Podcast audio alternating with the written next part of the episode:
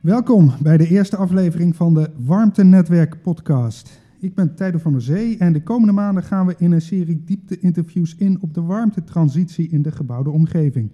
We spreken beleidsmakers, projectleiders, deskundigen en pioniers. Alles met de hoofdvraag: hoe maken we van de warmtetransitie een succes? En we beginnen deze podcast met een korte reportage op het dak.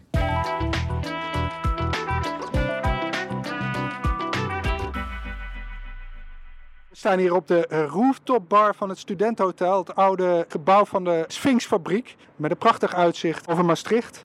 David Borger van de gemeente Maastricht. Wat uh, zien wij hier? Nou ja, we zien nou uh, vanaf het oude Sphinxgebouw in, in Maastricht ehm, een overzicht van, van de stad Maastricht. Vanaf hier kun je ook wel goed zien dus waar wij als Maastricht onze pijlen oprichten. Als je goed kijkt zie je best wel wat industriële pijpen de lucht in. Hè? Je ziet best wel wat, wat, wat schoorstenen die, waar hoogovens of wat dan ook plaatsvinden. En eigenlijk is dat voor ons een vertrekpunt geweest van waar gaan we eigenlijk met onze transitievisie warm te beginnen. Uh -huh. heb ik gekeken waar ligt de bron. Ja. Nou, ik zie uh, met grote blauwe letters op een toren zie ik uh, Sappi staan. Ja, precies. Sappi is een papierfabriek van Maastricht, zit hier ook heel lang. Um, en um, daar ligt bijvoorbeeld dus al een leiding van Sappi hier uh, langs deze weg af naar het oude stadhuis. Wij zijn nu aan het kijken hoe we nou de rest van de stad vanuit dat punt, hè, dus vanuit bestaande leidingen, verder kunnen uitbreiden. Dus je ziet hier Vanaf hier zie je nog wel vrij wat nieuwbouw, maar wat je nou net niet ziet achter de kerk is natuurlijk allemaal monumentaal en uh, vrij oud. En dat zou je natuurlijk heel mooi kunnen, uh, ja, kunnen aansluiten op een dergelijke warmteleiding. Ja, ik heb hier een kaartje in mijn hand van Maastricht, maar dat zijn verschillende kleuren. Ja. Roze, rood, lichtgroen, donkergroen, nog donkerder groen. Even kijken, rood is warmtepomp, groen is warmtenet en hoe donkerder groen, hoe ehm, hoe beter het scoort ten opzichte van het tweede alternatief. Ja. Laten we eerst eens eventjes kijken naar donkergroen. Ja, daar, daar loopt de Maas. Ja. Die kun je, je kunt daar dus, dus Vaasbrug een klein beetje zien. Alles wat daar omheen tot aan hier een cirkel overheen trekt. Dan kom je eigenlijk allemaal in dat donkergroene gebied. En dat is eigenlijk onze, in, eigenlijk onze monumentale, onze oude stad. En dan hebben wij eigenlijk nog één ander deel dat is de wijk Nazareth. En je ziet ook daar eigenlijk al aan de voorkant van de wijk zie je die vier pijpen de lucht in gaan. Uh -huh. En daar liggen twee fabrieken, de Moza-fabriek en uh, de tegelfabriek is dat. En OI, de glasfabriek.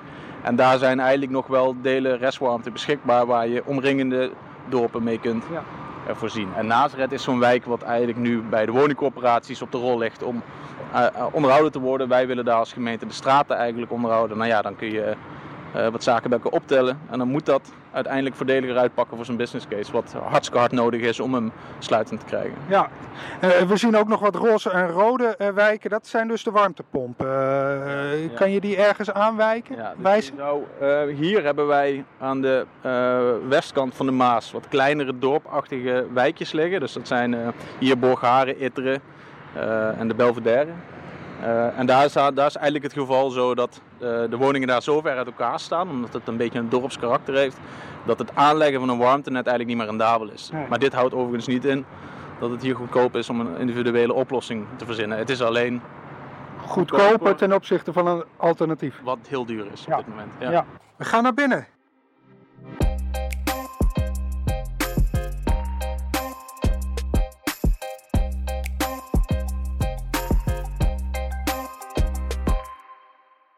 Vandaag gaan we in gesprek met David Borger, projectleider aardgasvrij bij de gemeente Maastricht.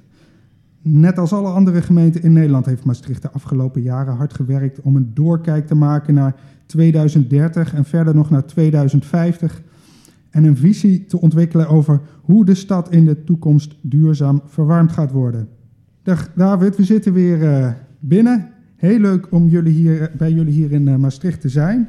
Bedankt dat je met mij de aftrap wil verzorgen van deze podcast. We zitten in het schitterende stadhuis van Maastricht op de markt. Uh, nou, dit is in, in, in feite al een, een, feestje op zich. Hè. Dus, uh, nou, leuk. Ja, van, harte welkom. Uh, fijn dat jullie hier zijn. Leuk om ook de aftrap te doen van deze, deze podcast. En uh, ik hoop dat ik een, een, goede introductie kan geven van hoe wij hier in Nederland, maar ook natuurlijk met name in Maastricht bezig zijn met met de transitie naar aardgasvrij. Ja, over die transitie uh, dus gesproken. Uh, dat moeten we doen vanwege klimaatverandering. En jullie hebben hier natuurlijk een paar maanden terug te maken gehad met die heftige overstromingen ook. nou, volgens mij is Maastricht is wel gespaard gebleven, maar... Ja, het is meer het heuvelland geweest wat er echt last van gehad heeft. ja, maar Maastricht ook. Het heeft hier wel in bepaalde plekken heel... is het heel spannend geweest. Ja. ja. En, en krijg je daardoor, kijk, ik bedoel, dat is natuurlijk klimaatverandering, dat is waarom we het allemaal uh, doen. Uh, heb je dan het gevoel van, er is een gevoel van urgentie wat er dan uh, bij komt? Of? Ja, ik, zou, ik denk wel dat dat zo is. Um, ik weet niet zeker of het dan alleen natuurlijk Limburg is, is hard geraakt. En ik denk dat veel, um, met name de dorpen, maar ook de, de steden hier in de buurt, um, zich behoorlijk zorgen maken en stiekem ook al een tijdje weten dat dit eens in de zoveel tijd gebeurt. Mm -hmm. um, maar je hebt bijvoorbeeld nu wel op landelijk niveau, uh, heb ik wel ervaren dat het nu bijvoorbeeld bij de algemene beschouwingen ook op de, in de landelijke politiek wel gevoeld wordt als een soort van eerste waarschuwing van ja, dit, dit is wat je krijgt als we er niks aan doen. Ja. Uh, en ik denk dat dat, uh, ja, hoe moet je het zeggen? Uh, never waste a good crisis, zeggen ze. Dus -huh. ik hoop dat dit dan wel een soort van ja, een signaal is van ja, dit, het gebeurt. er wordt ook aangekondigd dat dit vaker kan gebeuren. Dus ja. dan, er moet iets aan de oorzaak van het verhaal gebeuren, maar er moet natuurlijk ook iets aan de symptoombestrijding komen. Dus Tuurlijk. het is een kwestie van en die energietransitie, maar natuurlijk ook een deels klimaatadaptatie. Ja, ja. Hoe spannend was het in Maastricht? Ja, ik, ik kan het eerlijk gezegd niet 100% zeggen, want ik was op vakantie oh. in de periode dat het hier gebeurde. Okay. maar ja, de signalen die ik hoorde en natuurlijk ook achteraf van mijn collega's heb, heb meegekregen, is dat, dat het wel heel spannend was. En wij hier natuurlijk in Maastricht met de Maas ook in een soort van kronkel zitten, waarin je natuurlijk bepaalde plekken hebt waar het wel heel hoog komt. Bottleneck. Ja, maar het is hier, ja, laten we zeggen, plekken als Valkenburg of zo hebben het natuurlijk veel, veel zwaarder gehad. Ja, ja. ja. De transitievisie warmte, die moet elke gemeente opstellen. hoe ver staan jullie daarmee? wij zijn daar wel zo, zo goed als klaar mee. Voor zover je het dus um, die warmtevisie of de transitievisie warmte, um, daar zit een bepaald, bepaalde doelstelling aan en er zit ook een bepaalde periode in dat je dat als gemeente afgerond dient te hebben. Mm -hmm. En laten we zeggen dat wij nu voor deze fase in de planontwikkeling er een streep onder gezet hebben. Dat we weten, nou, we weten waar de kansen liggen, we weten welke stappen we kunnen ondernemen, we weten waar we zouden kunnen starten. Ja. Um, wat niet wil zeggen dat uh, wij nou een transitievisie war warmte vaststellen... waar nou al uh, tot achter de komma weet, weten van ja, wat er precies moet gebeuren... en dat alles binnen de juiste kaders ook kan plaatsvinden. En zou dat niet in die visie moeten staan? Dat zou wel ontzettend handig zijn, ja. Okay. Alleen, waar wacht je op? Het is natuurlijk een beetje de vraag of je hetgene wat je, wat je verzint... of hetgene waar kansen liggen, of dat ook uitvoerbaar is. Mm -hmm. En dat wordt... Um, eigenlijk in heel Nederland door gemeentes, maar je kunt, je kunt het ook onze ministers horen zeggen. Het moet binnen de kaders van haalbaarheid en betaalbaarheid plaatsvinden. En ik denk dat een belangrijke conclusie binnen deze transitie, die eigenlijk gemeentebreed, eigenlijk landelijk door alle gemeentes wel onderschreven is, is dat het maar zeer de vraag is of dat binnen die kaders kan plaatsvinden.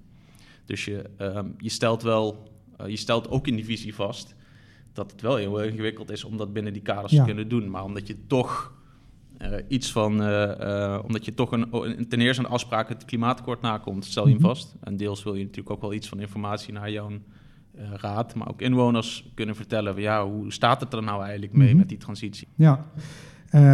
Nou, wij waren net boven op het Sphinx-gebouw. je hebt al twee wijken aangewezen die mogelijk als eerste aan de beurt komen. Nazareth en het centrum. Ja. Zullen we beginnen met Nazareth? Wat is dat voor een wijk en waarom denken jullie daar te kunnen starten? Ja, Nazareth is eigenlijk een, uh, um, een van de uitbreidingsgebieden van Maastricht. Dus Maastricht is eigenlijk opgebouwd uit verschillende lagen. Een historisch centrum en er is in de, in de mhm. industriële periode is, uh, um, zijn er eigenlijk wijken bijgebouwd. Eigenlijk net zoals overal in Nederland zijn er, uh, is er een bepaalde groei geweest na de Tweede Wereldoorlog. En dat is uiteindelijk een beetje vanaf 1990, met name hier in Limburg, een beetje afgevlakt. Ja. Um, en een van die gebieden, dat is uh, Nazareth, waar veel, veel hoogbouw staat. Um, het ligt een beetje aan de rand van de stad. Het is eigenlijk ook een beetje aan de beurt om door de gemeente onderhouden te worden. Mm -hmm, dus hoe oud is de wijk? ik volgens mij komt Nazareth de jaren 60, 70. En hoe hoog is hoogbouw? Niet zo. Wij in Maastricht kennen wij de, de galerijflats uit de, de Randstad niet, niet zo. Dus wij hebben, dat zal hier voor een groot deel 4, 5 hoog zijn, zonder lift. Mhm. Ehm, en heel veel coöperatiebezit. Dus je hebt daar, dat is een hele belangrijke factor in het kiezen van een startwijk op dit moment. Ja. Ehm, dat is als je um, ja, veel corporatiebezit hebt, dan heb je meestal al een partner aan tafel die ook al welwillend is vanuit de maatschappelijke verantwoordelijkheid. En daarnaast voor de business case heel belangrijk kan zijn. Ja, en hebben jullie daar één uh, corporatie of meerdere? Daar is, is één corporatie eigenlijk, uh, uh, ja, met name de bezitter van het vastgoed, ongeveer 70 procent. En welke is dat? Dat is Woonpunt. Oké. En, 70, en de overige 30 is dat particulier eigendom? Of? Ja, Ehm, en welke warmteoplossing hebben jullie daarin gedacht en wat is de bron van die warmte? Uh, wij zitten um, daar uh, vooral te denken aan een midden- slash hoogtemperatuur warmtenet. Mm -hmm. um, dan heb je het over de temperatuur? Van? Ja, dan zit het 60 graden of hoger. En wij mm -hmm. hebben het hier dan ongeveer tussen de 80 en de 90 graden. Omdat de bron een, uh, een industriepand is. Ja, een oude... Je zegt hier? Hier tussen de 80 en 90? Ja, dus je kunt, eigenlijk is dat een theoretische benadering, hè? MT of HT, middentemperatuur mm -hmm. of hoge temperatuur. Mm -hmm. um, en daarvan zeg je dat is meestal dan 50 of 60 graden of hoger, maar het is natuurlijk gewoon afhankelijk van de bron ja. die op die warmte het aansluit, wat nou daadwerkelijk die temperatuur is. Ja. Um, en, uh, dus wat voor ik... Nazareth ga, komt het op, nog even voor duidelijkheid? Ja, ongeveer tussen de 80 en de 90 okay. graden. Dus echt een hoge temperatuurbron is dat. En de bron is? Uh, dat is een uh, glasfabriek die hier al een aantal jaren staat. En dat is ook een beetje wat ik net aangaf. Maastricht is een beetje opge opgebouwd uit verschillende lagen. En de industriële groei is hier ook best groot geweest. Dus wij hebben in Maastricht nog relatief veel grote industrie. ook gewoon dicht in de stad liggen. Mm -hmm. en ook nog allemaal actief. Dus uh, daar zit, daar, ja, laten we zeggen, daar gaat eigenlijk 24-7 gaat er een enorme lading energie in de vorm van warmte uh, gewoon de lucht in. Mm -hmm. Als die ovens draaien of wat dan ook, dan ja. gaat er zo ontzettend veel energie gewoon de lucht in. Dat je denkt van ja, dat zou je, daar kun je een leiding langs leggen. En het water opwarmen, dat kun je naar de wijken brengen. Ja. Dat is eigenlijk een heel conventioneel concept, wat in Nederland al heel veel, op heel veel plekken mm -hmm. gebru gebruikt wordt. Op hoeveel afstand ligt die fabriek van de wijk? Uh, een, een, straat. Oké, okay, nou, dus dan hebben we het dan over uh, ja. 50 meter, denk ik. Oh, dat is perfect. Oké, okay, nou, dat, een, warmtesysteem heeft wel een backup nodig. Geen, uh, denken jullie in Nazareth in te gaan zetten als backup? Um, eigenlijk is dat een, dat is een rol voor de warmteleverancier. Dus de warmteleverancier, wat dan hier en natuurlijk is, die in de plannen mee, meedenkt. Um, die, die moet eigenlijk, is verantwoordelijk om daar een oplossing voor te verzinnen. En dat zal in eerste instantie een aardgas uh, backup zijn.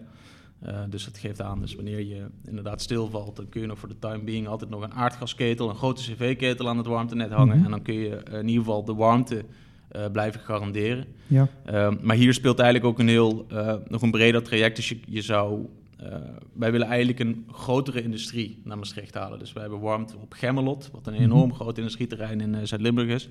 Waar voor tienduizenden woningen aan restwarmte ook de lucht in gaat. Uh, dat, het is eigenlijk het idee dat daar uiteindelijk de warmte vandaan komt. Dus dat kun je dan als een backup gebruiken. Mm -hmm. en uiteindelijk heb je natuurlijk de stand van de techniek die je in de gaten kan houden om te kijken of je wellicht later aquathermische bronnen kan aansluiten. wellicht een elektrische oplossing daarop kan aansluiten. Mm -hmm. Dus er zijn daar best wel wat wegen open. Um, en zo'n backup systeem is ook een beetje de vraag...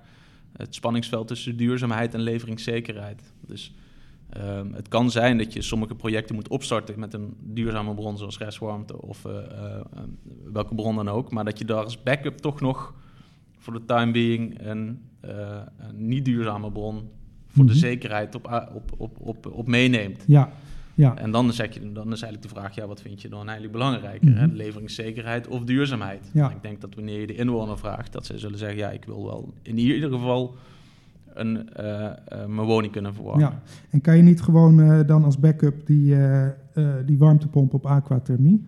Dat kan. dit is natuurlijk gewoon een kostenverhaal. Ja. Dus als dit, dat is een techniek die vrij duur is. Je moet daar hoge temperaturen mee halen, wat eigenlijk niet zo heel efficiënt mm -hmm. is om elektrisch te doen.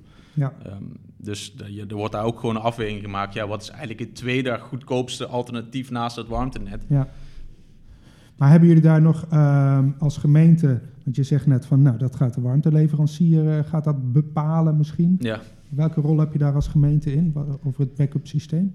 Nou, jij zou daar, uh, dat is ook verschillend van hoe je het aanpakt. Hè. Je zou dit, als je dit als een marktinitiatief beschouwt, wat in, in zekere zin is, um, kun je daar natuurlijk de, um, uh, het warmtebedrijf en de corporatie daar met z'n tweeën afspraken over laten maken. Maar als je het trekt in de warmtewet, die nog ontwikkeld moet worden, dan moet je mhm. hele concrete afspraken met de gemeente.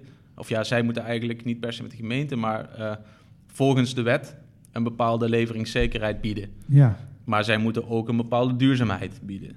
Dus zij worden dan getoetst aan uh, de warmtewet, wat dan mm -hmm. gewoon een landelijke wetgeving wordt. Die zegt, oké, okay, uh, het maakt niet zo heel veel uit wat je nu doet qua duurzaamheid als je het maar binnen een bepaalde termijn verduurzaamd ja. hebt. Ja. Uh, en daar staan dan ook de regels over leveringszekerheid en dat soort zaken in. Okay. En dat zijn ook een beetje de spelregels die uh, ook gewoon nog ontwikkeld moeten worden. Mm -hmm. uh, en ontzettend goed zouden kunnen helpen om trajecten ook wat sneller en beter van de grond te krijgen. Ja. We hebben het over aquathermie, warmte uit water. Ehm, de meest voor de hand liggende bron zou dan uh, de mooie rivier zijn die hier door jullie uh, stadje heen ja, stroomt. Ja. ja, de Maas. Ja, de Maas, ja. ja. Dat is natuurlijk wel een, ons, dat zou het charmantste idee zijn natuurlijk als je de stad zou kunnen verwarmen met, met je eigen rivier. Ja, ja. precies. Ja. ja. Dan naar het centrum. Dat is een andere wijk waarvan jullie denken, daar zouden we mee kunnen gaan starten. Waarom focussen jullie naast Nazareth op het centrum? Ja, je kunt daar uh, verschillende afwegingen op loslaten. Dus eigenlijk de belangrijkste reden is de stad hoe we al begonnen zijn. Dus het stadhuis waar wij nou in zitten, wat uh, oeroud is, uh, mm-hmm. is gasloos. Dus hier zit gewoon een warmtenet aansluiting op onze fabriek, onze papierfabriek Sappi, die ja. hier ongeveer 500 meter vandaan ligt.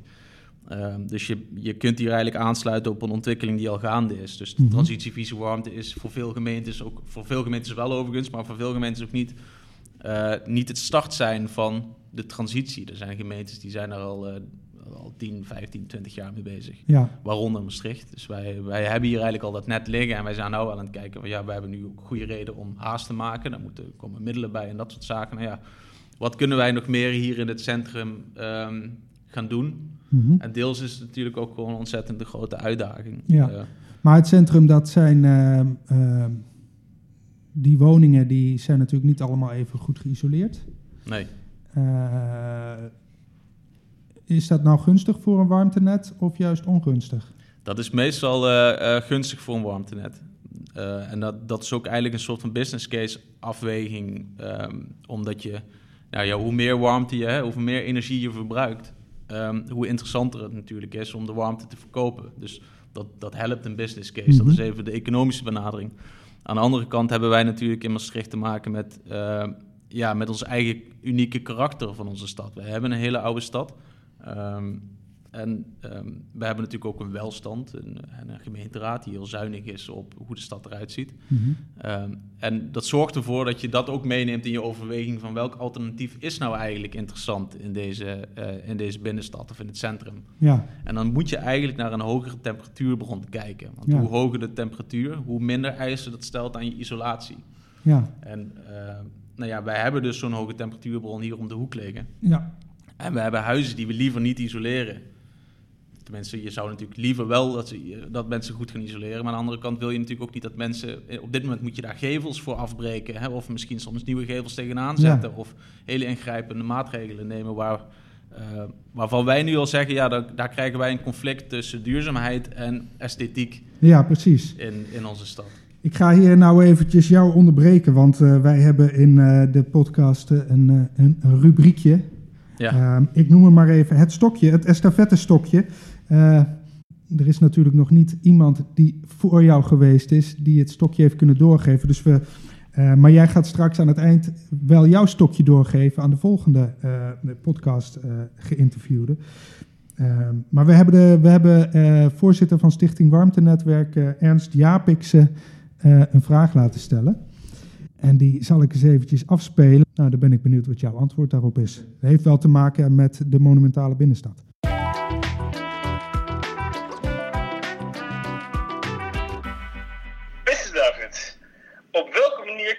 Kunnen we Maastricht aardvrij krijgen, maar toch het historisch karakter van de stad behouden.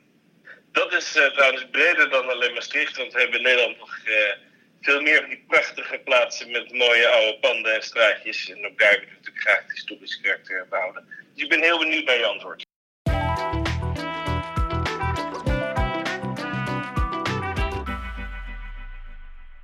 Ja, dat is een goede vraag. Hebben we het eigenlijk al een beetje over gehad natuurlijk mhm. nu. Ja. Uh, het is, het is uh, mogelijk om een, om een dergelijk monumentaal uh, gebouwde omgeving, om dat aardgasvrij te maken, omdat je heel erg, je bent natuurlijk gewoon geneigd, je moet kijken naar de temperatuur van je bron. En als je de temperatuur van je bron maar hoog genoeg is, wat vergelijkbaar is met gas, dus wat ook eigenlijk hè, met 90 graden mhm. ongeveer jouw verwarmingssysteem in, in, in de radiatoren, ja. ja uh, dan kun je dat eigenlijk één op één met elkaar vervangen. Mhm. Uh, en dat is, uh, dat is een mogelijkheid die wij hier in Maastricht hebben. We hebben die bronnen en we hebben die stad. Dus dat is eigenlijk een match die theoretisch gezien heel goed te maken is, maar waar mhm. praktisch natuurlijk wel nog het een en ander in uit te zoeken is. Ja.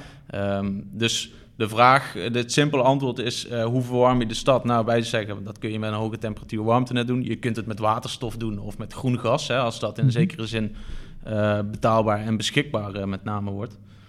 Ehm, en uh, wat wij bijvoorbeeld nou in onze binnenstad aan het bekijken zijn, is ja, hoeveel ruimte heb je ook eigenlijk in jouw grond om daar ook een warmtenet aan te leggen? Want je moet daar natuurlijk gewoon een nieuwe infrastructuur voor aanleggen. Ja, en smalle straatjes helpen dan niet? Nee, die helpen dan niet. Dus um, en laten we zeggen, je kunt dan, wij maken dan wel nog een beetje onderscheid tussen echt binnenstad, binnenstad. Mhm. Ehm, waar je inderdaad die, echt die kronkelende straatjes hebt, maar bij ons zit er eigenlijk ook nog gewoon een, een monumentale schil om onze monumentale binnenstad heen. Met mhm. heel veel grote panden, met name. Ja. De universiteit zitten bij ons, uh, allerlei andere uh, instanties.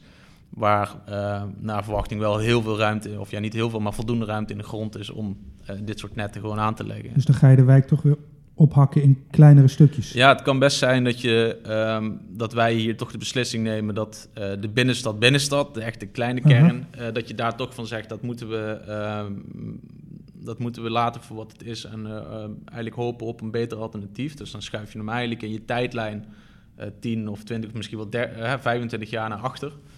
Uh, en wij gaan, we, beginnen in de schil daaromheen, waar ook nog steeds dat warmtenetten uh, veruit het beste, in ieder geval het goedkoopste alternatief mhm. is. Maar dat staat nog niet in jullie uh, transitievisie warmte? Nee, dat, zou wel een, dat is wel een nuance die je had kunnen lezen, denk ik. Het staat er wel ergens wel in benoemd. maar ja, ik denk op het eerste oog hebben we wel gezegd van ja, we bekijken natuurlijk die hele, mhm. dat hele gebied.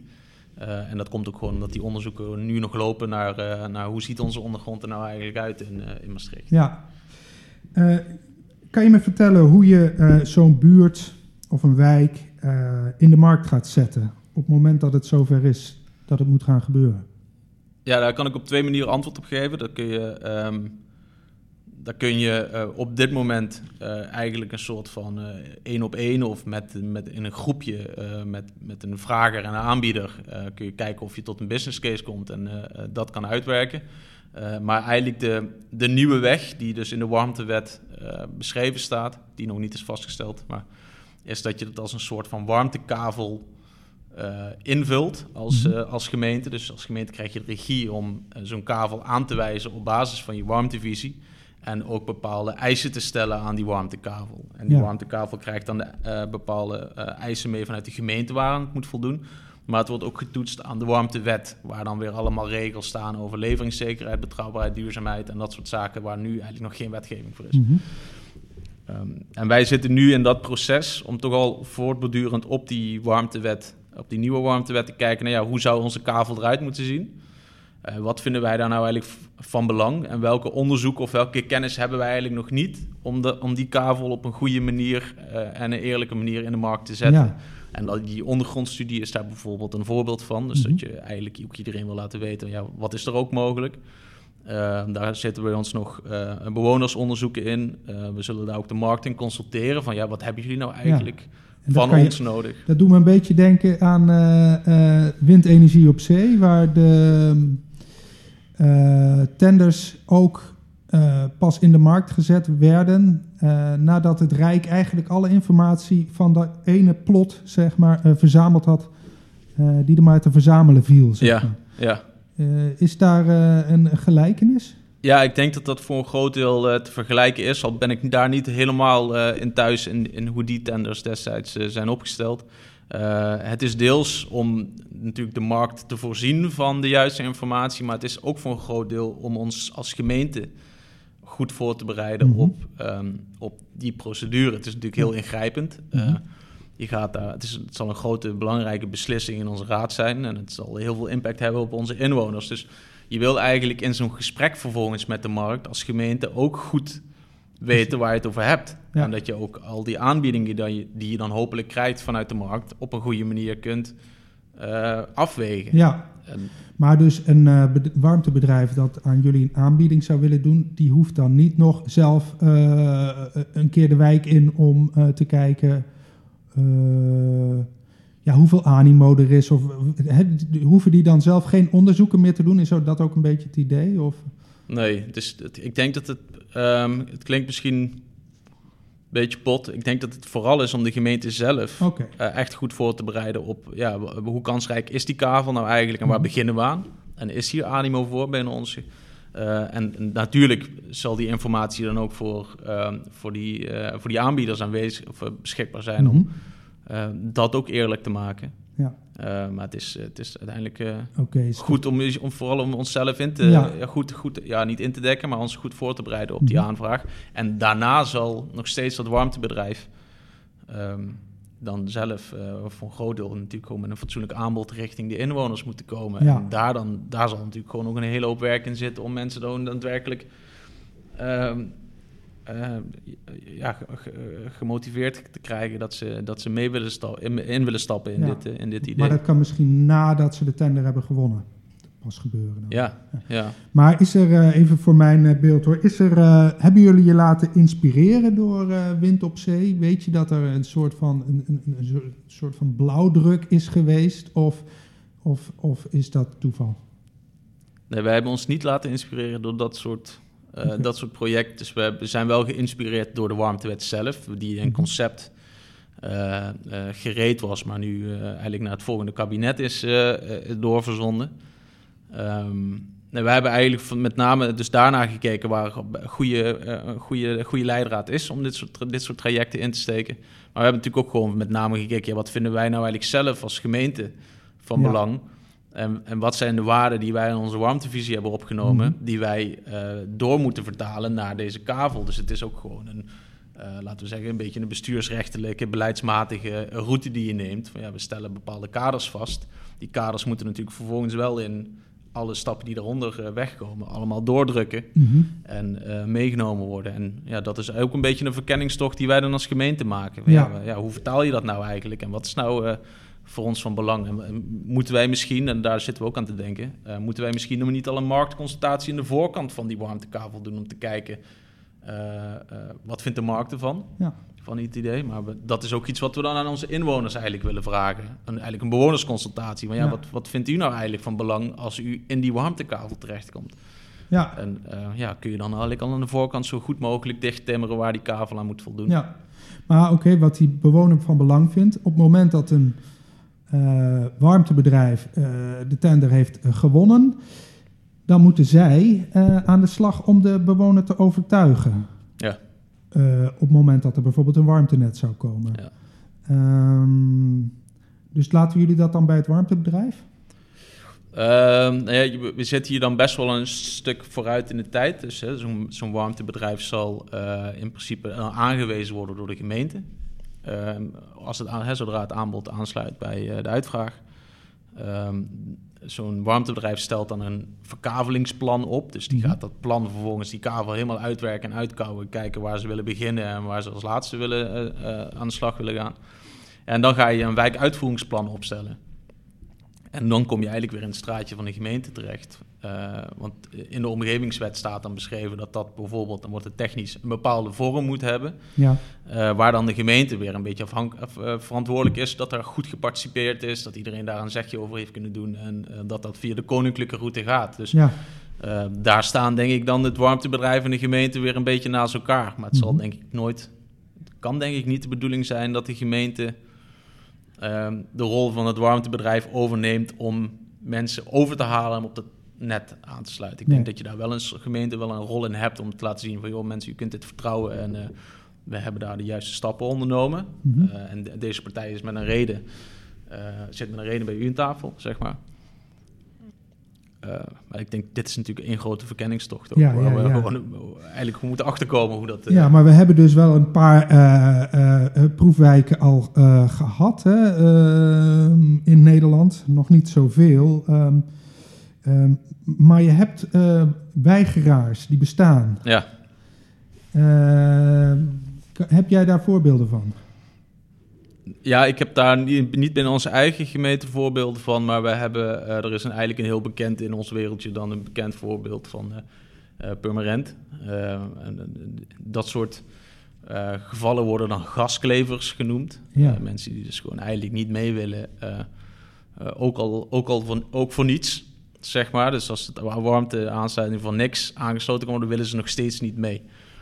Um, en uh, daar is het nu dus voorgekomen dat er een hele straat een warmtenet krijgt. Uh, en dat eigenlijk de netbeheerder dan zegt, nou dan haal ik het gasnetwerk eruit. Mm -hmm. uh, of ik onderhoud, ik laat het liggen, maar ik onderhoud het niet meer. maar omdat daar nou twee mensen in de straat toch op dat gasnet wilden blijven zitten, moest de netbeheerder toch heel veel kosten maken om dat net nog bruikbaar te houden. Ja. Nou, dat zijn natuurlijk allemaal kosten die uh, ten eerste de business case niet ten goede komen, omdat dat warmtenet natuurlijk liever ook die andere twee aansluitingen had gemaakt.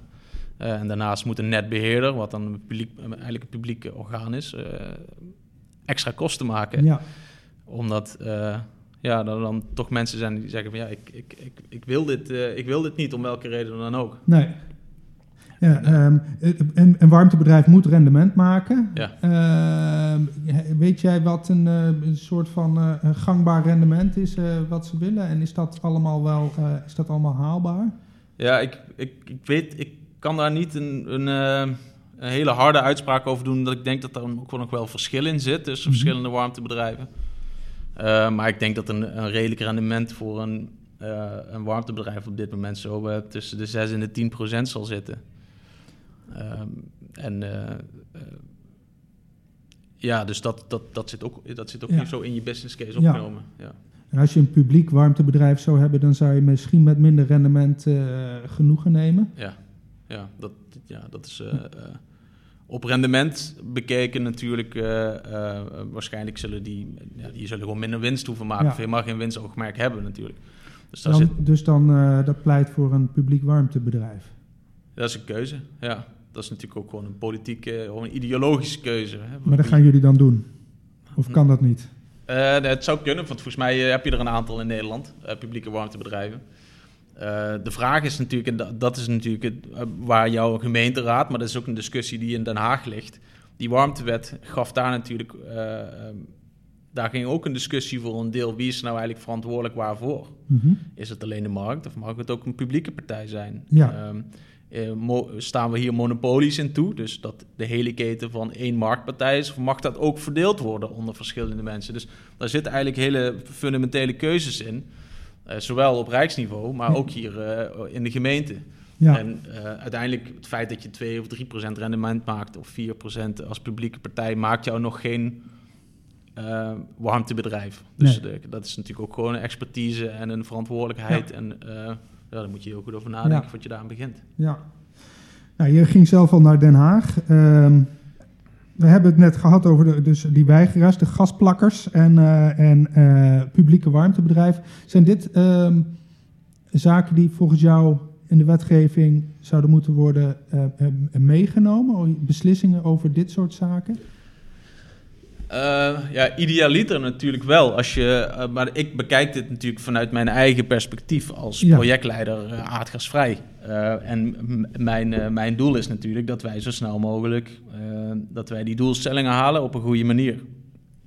Um, en dan wil je natuurlijk dat, dat, dat daar in Den Haag maximale aandacht voor is. En dat zij daar ook bepaalde knopen in doorhakken. Waar wij uiteindelijk als gemeentes en uitvoerders en inwoners gewoon mee verder kunnen. Ja. Dus uh, uh, absoluut. Ik snap natuurlijk ook wel dat het veel uh, complexer en ingewikkelder is dan dan alleen maar mijn perspectief, wat ik op de zaak heb. Ja. Dus ik kan dat plaatsen, dat het, dat het soms lastig is en dat er wellicht ook andere domeinen zijn binnen die energietransitie. Want het is natuurlijk niet alleen maar de transitie naar aardgasvrij, waar, waar, waar het Rijk dan nu zijn focus op legt. Hè. Uiteindelijk zullen zij, verwacht ik, redeneren in waar krijg ik nou de meeste CO2 voor mijn euro ja.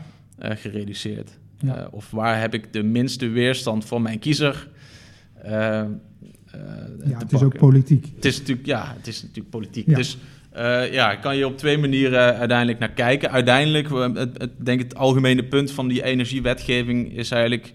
Um, ja, je bent, je, je, je bent eigenlijk eh, op een speelveld aan het spelen... waarvan de, speel, de spelregels eigenlijk niet goed duidelijk zijn. Nee.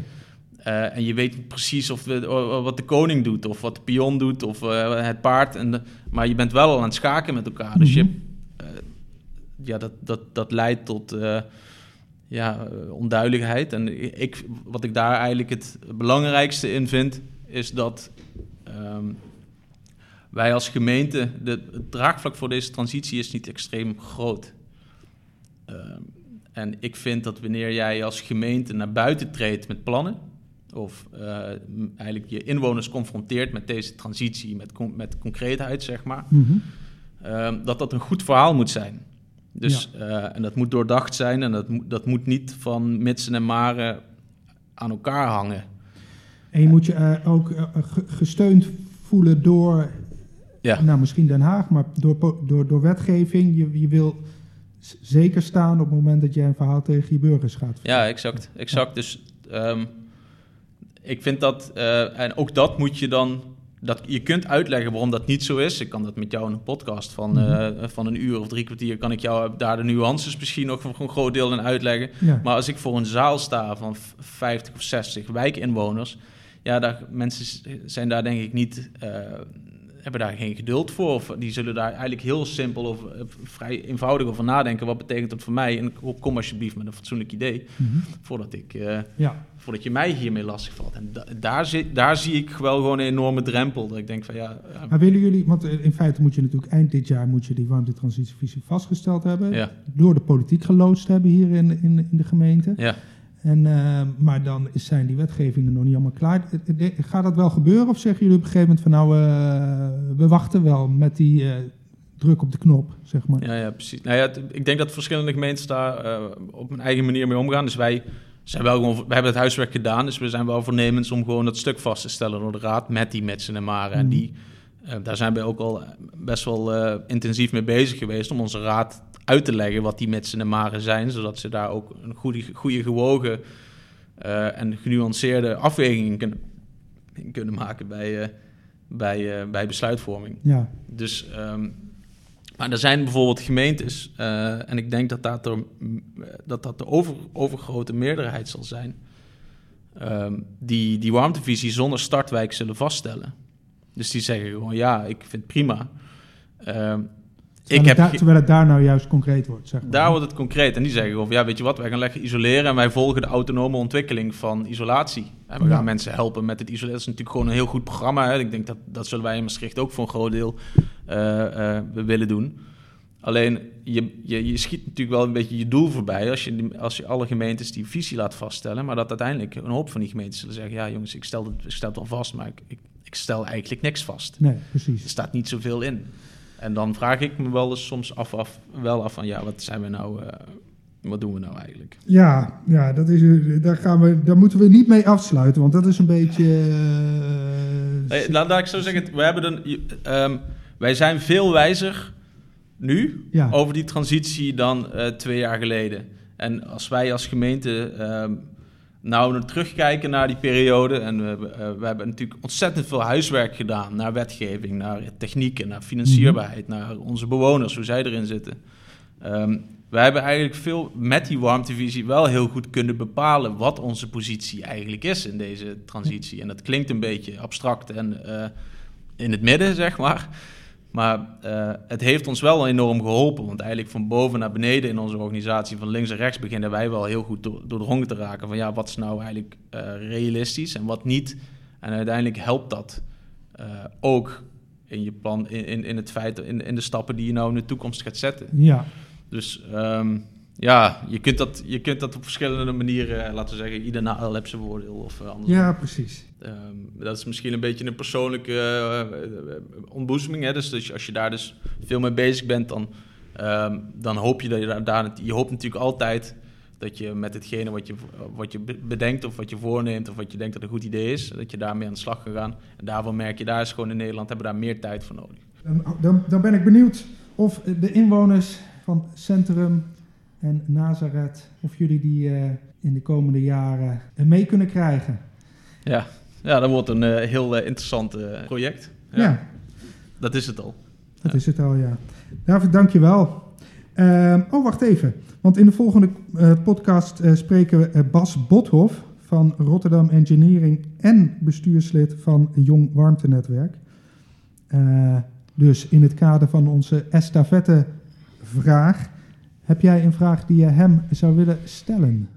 Het is natuurlijk eigenlijk een nieuwe wereld waar uh, voor een groot deel de gevestigde, gevestigde uh, professionals zich mee bemoeien ook. Mm -hmm. uh, ik zou eigenlijk wel benieuwd zijn hoe zij ook vanuit zijn rol van jong warmtenetwerk aankijkt naar wat nou eigenlijk jong, jonge professionals eigenlijk zouden kunnen leren aan de gevestigde orde. Dus uh, wat, wat, kunnen, wat kunnen de gevestigde professionals nou eigenlijk leren van de jonge mensen die eigenlijk jong en fris inkomen in een wereld die eigenlijk nog helemaal te ontdekken is? Ja. Dus zou daar misschien ook wel een bijzondere en ja, een speciale rol moeten zijn voor de jonge mensen? We hebben hem genoteerd. Kijk.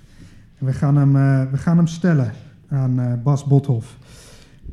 David, dank voor dit gesprek. Volgens mij moet je ongeveer gaan rennen. Want volgens mij over een half uur uh, ga je een zaal vol mensen uit de warmtesector uh, toespreken. Dus uh, ik zal het afsluiten. ja, leuk dat je er was. leuk om te doen.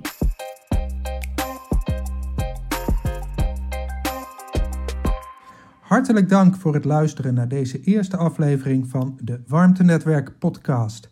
Deze en de volgende afleveringen zijn te luisteren via de site van Stichting Warmtenetwerk. Dat is www.warmtenetwerk.nl. Maar ook in je favoriete podcast-app zoals Apple, TuneIn of Spotify. Tot de volgende keer.